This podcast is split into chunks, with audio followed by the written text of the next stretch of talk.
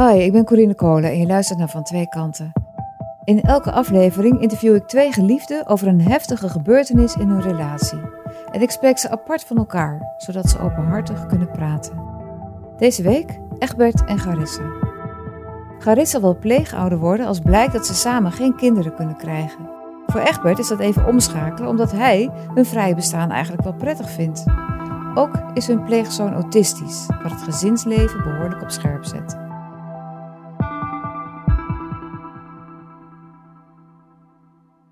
Uh, op een festival. Toen ontmoette ik haar voor het eerst. Ja, tijdens een groot festival. En hij werkte mee met het programma als vrijwilliger. En ik vond het een leuke gast. Ik vond er uh, in het begin soms ook wel heel irritant in de eerste kennismaking. Omdat ze heel gedreven was en dat was ik ook. Dus we moesten een aantal dingen realiseren op een festival. En ze was aan het jagen en dat het wel goed moest zijn. En toen dacht ik, ja, waar denk je dan dat ik mee bezig ben? Uh, we leren elkaar steeds beter kennen. Hij zat een beetje in hetzelfde netwerk als waar ik in zat. En um, ja, toen op een gegeven moment was het zo dat, ja, dat we elkaar wel leuker begonnen te vinden. En op een gegeven moment werd het een uh, friendship with benefits, zeggen ze dan, geloof ik in het Engels. Uh, en ik leefde mijn leven en ik vond dat eigenlijk wel prima. En, en, ik had daar verder niet een hele grote... Ja, ik vond het een geweldig mens. En, en verliefd zijn is niet echt een term die bij mij past. Dus dat, dat heb ik nooit zo heel erg gesnapt hoe dat precies werkt. Op een gegeven moment leek dat ze ook een, uh, een aanzoek van iemand had gekregen. Toen dacht ik, ja, maar als er nou iemand is met wie ik zou willen trouwen, dan is dat eigenlijk Egbert. Dus ik heb hem toen een kaartje geschreven en ik heb gezegd: Ja, um, moet je luisteren, ik ga nu naar Zuid-Afrika op vakantie. En als ik weer terugkom, dan um, wil ik eigenlijk gewoon graag van je weten: gaan wij samen verder of gaan we als vrienden verder? Dat kan ook. Maar um, laat, het dan een van, laat het dan helder worden. Dus ja, toen moest ik daarover nadenken. Hoe lang moest je daarover nadenken? Ongeveer twee dagen. Toen was ik er wel uit. en toen duurde het nog drie weken voordat ze terugkwam. Wat gaf de doorslag? Uh, dat is een goede vraag. Wat gaf de doorslag? Dat weet ik eigenlijk niet zo goed. Ik dacht gewoon, ja, als ik moet kiezen. Want eigenlijk zetten ze me voor het blok. Dus ik moest een keuze maken. Want ik hoefde natuurlijk nooit een keuze te maken. Toen dacht ik, ja, als ik moet kiezen, dan wil ik dit wel. Maar waarom? Uh, omdat het uh, klopte en nog steeds klopt. Maar ook omdat gisteren wel echt mijn zielsverwant is. Dat is wel een heel groot woord. Ja, dat is het ook wel. Dat heb ik ook nog nooit eerder bij iemand gebruikt, behalve bij haar.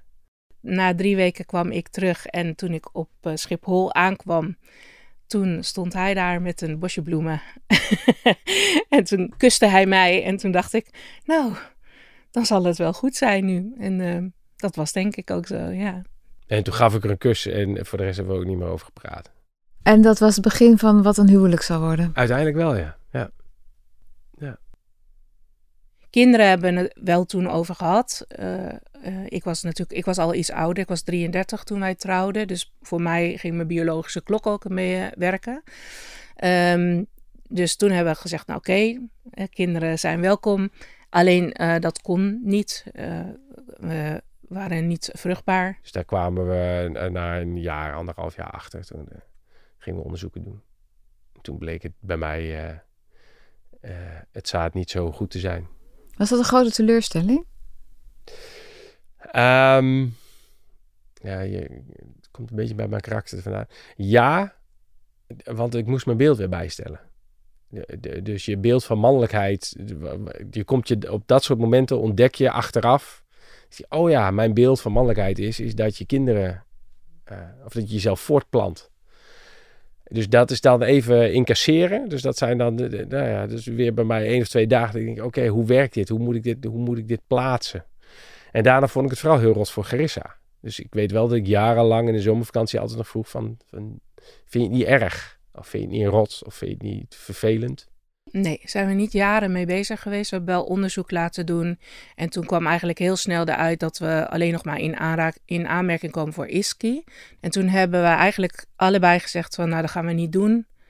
Ehm, er zaten nog heel veel risico's aan. En het was dan ook heel fors qua hormonen. En, dat soort- en ik merkte zelf dat ik van, oh ja, als ik nu moet kiezen, dan, dan word ik een soort, eh, soort hogere macht die gaat besluiten dat er een kind komt. Eh, en ja, als ik dan naar mijn agenda kijk en alle andere leuke dingen doe ik in mijn leven. Dus die afweging vond ik gewoon te zwaar om zelf te maken. Dus toen hebben we gezegd van, nou, daar, ga, daar gaan we die molen niet in. Maar dat was niet, ook niet het ding wat onze relatie in de weg stond, wat ons leven in de weg stond. Ehm, dat ging dan anders. Wanneer veranderde dat? Wanneer veranderde het moment dat jullie. De, wanneer was het moment dat jullie besloten om na te denken over een pleegkind?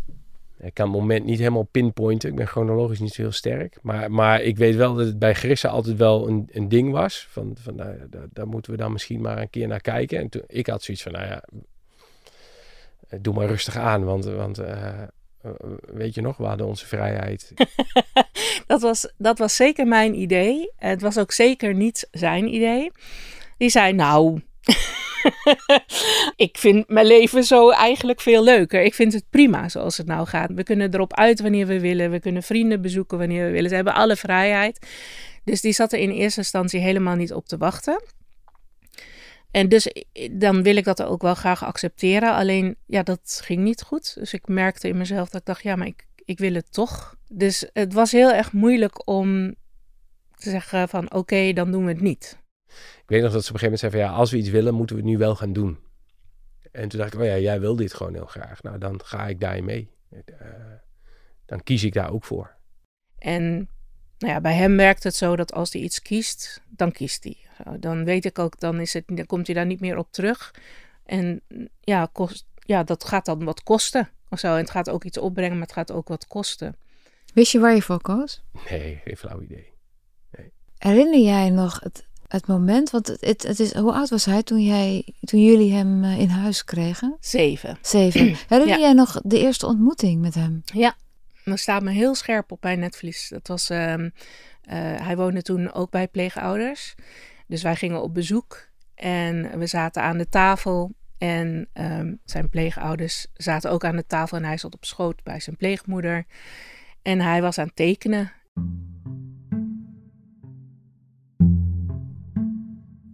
Een bijna hyper jongetje. Die het heel spannend vond. Maar ik ook. En die eh, wilde tekenen en dat kan ik helemaal niet. Eh, en die over wc's, over onze wc's vragen stelde. Wat wilde hij weten over die wc's? Hoeveel wc's we hadden. En wij hebben drie wc's in ons huis. Nou, dat was gelijk heel goed. Hij had toen een fascinatie voor wc's. Waar zat hem die fascinatie in? Weet jij dat? Eh, en- en, ehm, in de vorm van de rubbertjes die onder de bril zitten. Dus als je de bril optilt, dan zitten daar rubbertjes onder. En, en die, die hebben een bepaalde. Dat, dat creëert een bepaald beeld. Dat vond hij heel fascinerend. En sowieso wc's, dat was toen zijn ding. En zijn houvast, want zijn fascinatie is dan ook altijd zijn houvast natuurlijk. Eh, maar ja, zo, dat jochie zag ik. Eh, en toen zag ik, ja, dit is het dus nu. Ik kan niet meer terug. Voordat eh, je een kind ziet, dan krijg je echt... We hebben heel veel informatie wel gekregen over hem. Over, ook over dingen die misgingen. Hij, hij is autistisch. Maar hoe kies je? Of- wordt er voor je gekozen? Ja, eigenlijk zei, binnen de pleegzorg heb je al een soort matchmakers. En die kijken van tevoren van als er, eh, een, een plaats, als er een kind is die een plek zoekt, dan gaan ze kijken welk gezin zou dan passend zijn. Dus je, je hebt, we hadden van tevoren met die vorige pleegouders gesproken. Maar we hadden hen nog nooit ontmoet. En toen gingen we naar zijn ontmoeting toe. En toen dacht ik, ja, ik kan nu niet meer terug. Is dat beklemmend? Nee, het was meer dat ik denk, dat kan ik hem niet aandoen. Eh, dat de mensen komen snuffelen en dan zeggen, nou, we doen het toch maar niet. Want daar kon hij niet blijven. Nou, hij is deels bij hen gebleven in eerste instantie en deels bij ons. Dus we hebben een soort co-pleegouderschap eerst gedaan. En zij hadden meerdere pleegkinderen. En ja, op een gegeven moment werd dat te zwaar. En op een gegeven moment is hun relatie geknapt en toen is hij helemaal bij ons gekomen. Hoe was het toen hij bij jullie in huis kwam? Kun je dat omschrijven? Ja, het was heel intens. Ehm, nu, als je vijf jaar verder bent en je kijkt terug, dan denk je, ja, maar Dat had, had, je toen nog helemaal niet echt door. Maar dat, oh ja, we hadden een jongen die, die verscheurd werd door loyaliteiten, door, door verdriet. En, en je bent zeven, je snapt het leven eigenlijk helemaal niet. En, en opeens woon je voor de helft ergens anders. En daarna moet je opeens ergens anders helemaal wonen. Dus toen hebben we al uh, twee jaar uh, pittige tijd gehad, denk ik. Dan moet je je voorstellen dat je iedere dag een keer een, een, een, een bijna hysterische woedebui hebt. Uh, en daar moesten wij hè, mee zien te dealen. Dat ging op vakantie, dat ging op school, overal. Ja, gillen, schreeuwen, paniek raken. Ik weet nog dat we inderdaad na de eerste zomer dat hij helemaal bij ons was, hadden we de parade in Utrecht. Daar gingen Egbert en ik had graag heen, theaterfestival. En uh, daar waren we dus met hem. En dat was heel leuk. We hebben een mooie voorstelling gezien. En ergens ging hij iets knutselen en er ging iets mis. Er lukte iets niet. En hij ging helemaal over de rooien. Dus dan gaat hij heel hard gillen en heel hard schelden. En jullie zijn kutouders. En ik haat jullie. En ik wil niet meer bij jullie wonen. Dat schreeuwt hij dan door dat hele festivalterrein heen.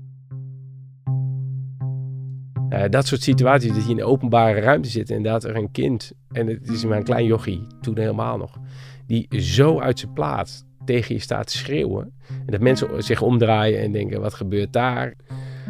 Nou ja, dan kruipt hij uiteindelijk al scheldend en huilend weer tegen je aan en dan zakt het wel weer. Schaamde je je dan? Schaam je je voor je omgeving? Niet vaak, denk ik. Nee, nee. Dat moment dacht ik wel, oh, wat denken ze nu? ja, ik denk wel, ja, wat denkt nu de rest van uh, het festival? Want die kan, krijgt dit allemaal mee, weet je wel. Dus je ziet ook dat mensen proberen om zich er niet mee te bemoeien. En anderen staan met open mond te kijken wat er dan gebeurt.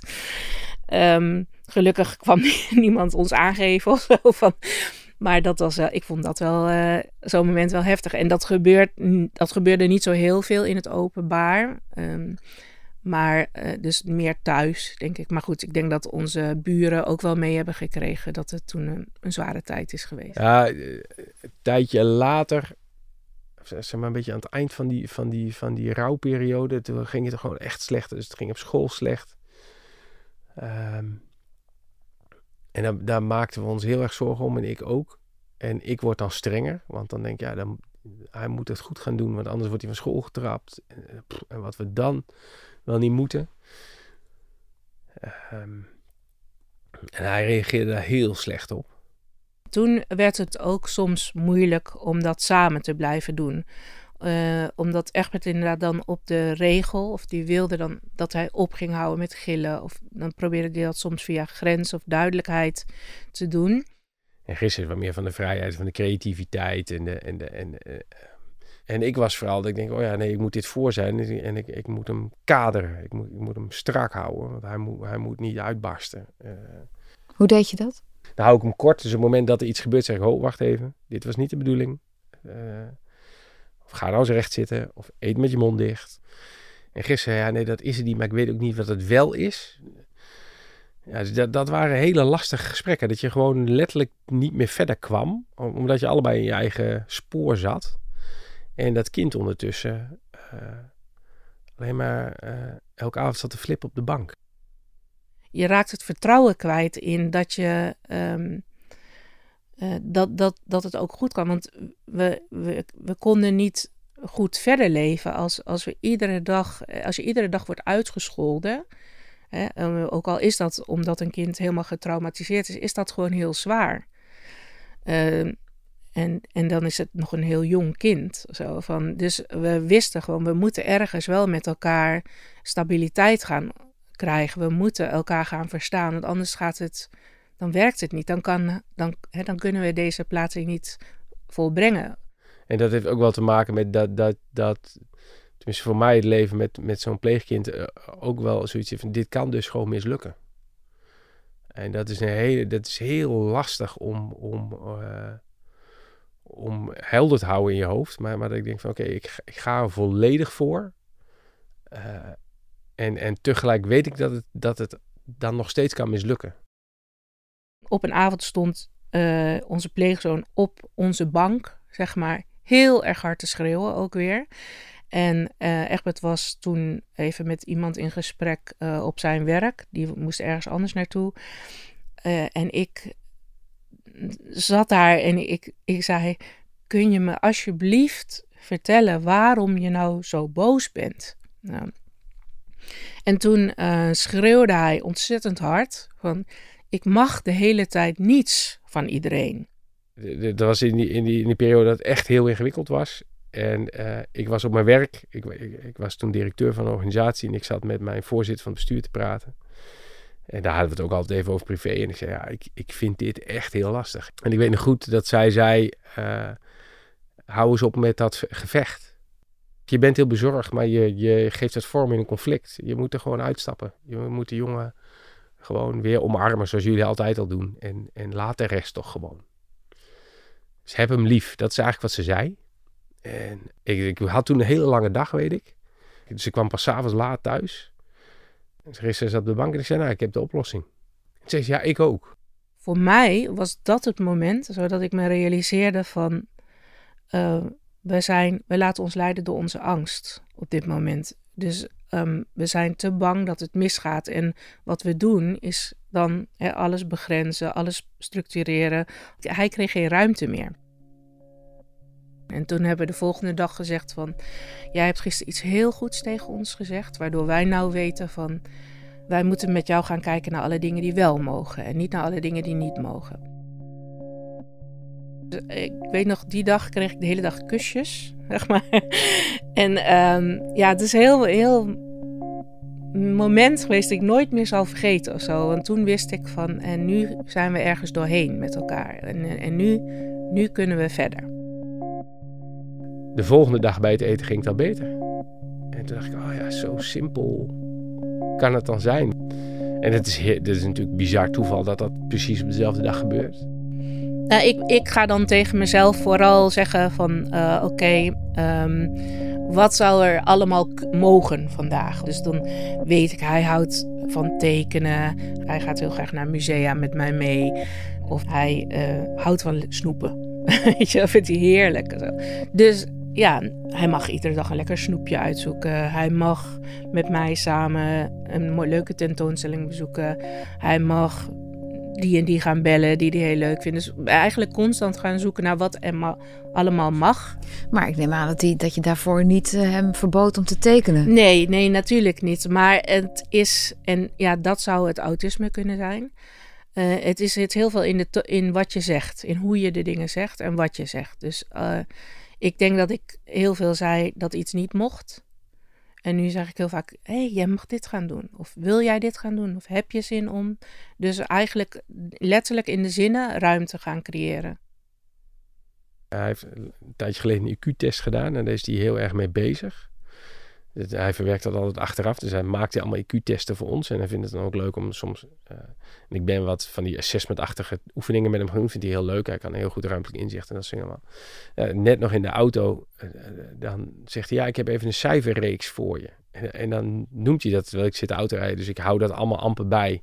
En wat moet er op het puntje van de... Hm, hm, Egbert? En, ik zei, ja, zeg het nog een keer. En, uh, en ik dacht, hij maakt een fout. Want uh, volgens mij klopt het niet. En ik zat in mijn hoofd dus die cijferreeks op te lossen. En, en, toen dacht ik, en toen zei ik, nee, volgens mij maak je fout. En toen kwam die, toen begon die wat te sputteren. En toen dacht ik, oh, wacht even, ik moet iets anders vragen. Ik zeg, kan je me nog een keer uitleggen? En toen bleek dat hij een cijferreeks met kwadraten had gemaakt. nou, dat soort dingen ehm, daarin heeft hij me heel veel geleerd. Want ik zou normaal gesproken nog even lange vast hebben van nee, ik heb, ik heb het goed en jij hebt het mis. Ja, ik denk wel sinds dat hij in ons leven is gekomen, maakt hij heel veel deel uit van mijn gedachtenwereld. Maar ik weet niet meer precies wanneer het was. Ik weet alleen maar dat ik dacht, oh, ik vind dit kind zo leuk. Of ik, ik ben zo gek op dit kind. Uh, ja, ik, ik voel nu dat ik um, dat, het, dat uh, als hij nu weer weg zou gaan, of als er iets mis zou gaan, misschien niet per se eens het weggaan, maar als er iets mis zou gaan, oh, dat ik daar heel, heel erg uh, verdriet om zou hebben. Ja. Is dat een eng besef? Ja. Dat ik weet nog dat ik dacht, kan dat wel? Mag ik dan wel van hem houden? Kan dit? Uh, ja, en doe ik mezelf, wat doe ik mezelf daarmee aan?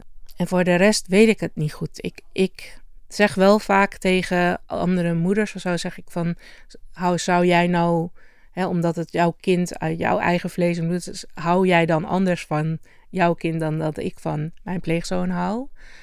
Dat weet ik niet goed. Ja. Ja, ik houd van hem. En wanneer dat precies gebeurd is, weet ik niet zo goed. Maar daarin is het bijna hetzelfde als met het verliefdheidsverhaal van gisteren. Je maakt die keuze. Ik, ik, ik, ik werk, ik maak die keuze eerst. En dan komen de consequenties en die moet ik dragen. Of zo. Van, van, uh, uh, en daar ben ik vrij rukzichtloos in. Je bedoelt dat het eigenlijk niet uitmaakt of je van hem houdt? Uh, ik denk wel dat het, dat, het, dat, dat het iets extra's is. Maar, maar ik heb niet gezegd, ik kan dit niet als ik niet van hem ga houden.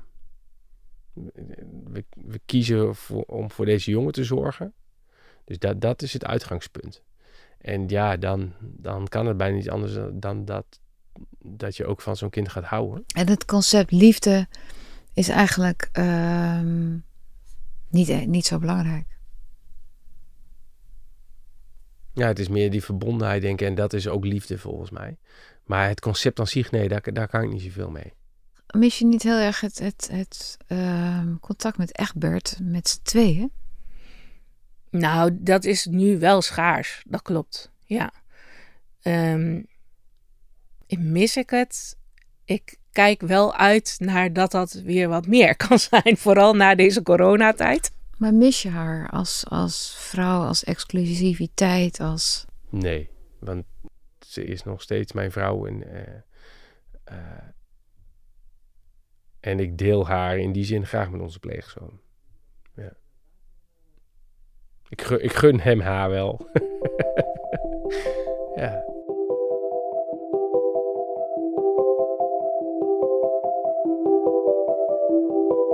Je luisterde naar het verhaal van Egbert en Garissa. Vond je dit een mooie podcast? Laat dan een recensie achter. Of vertel het je vrienden. Of schrijf naar vantweekanten.volkskrant.nl Bij dit adres kun je ook terecht als je zelf je verhaal wilt vertellen. Mijn naam is Corine Kolen en ik maak deze podcast samen met Simone Eleveld. Research is van Mona de Brouwer. Eindredactie is van Corinne van Duin. De begin- en eindmuziek is van Lula 13. Dankjewel voor het luisteren.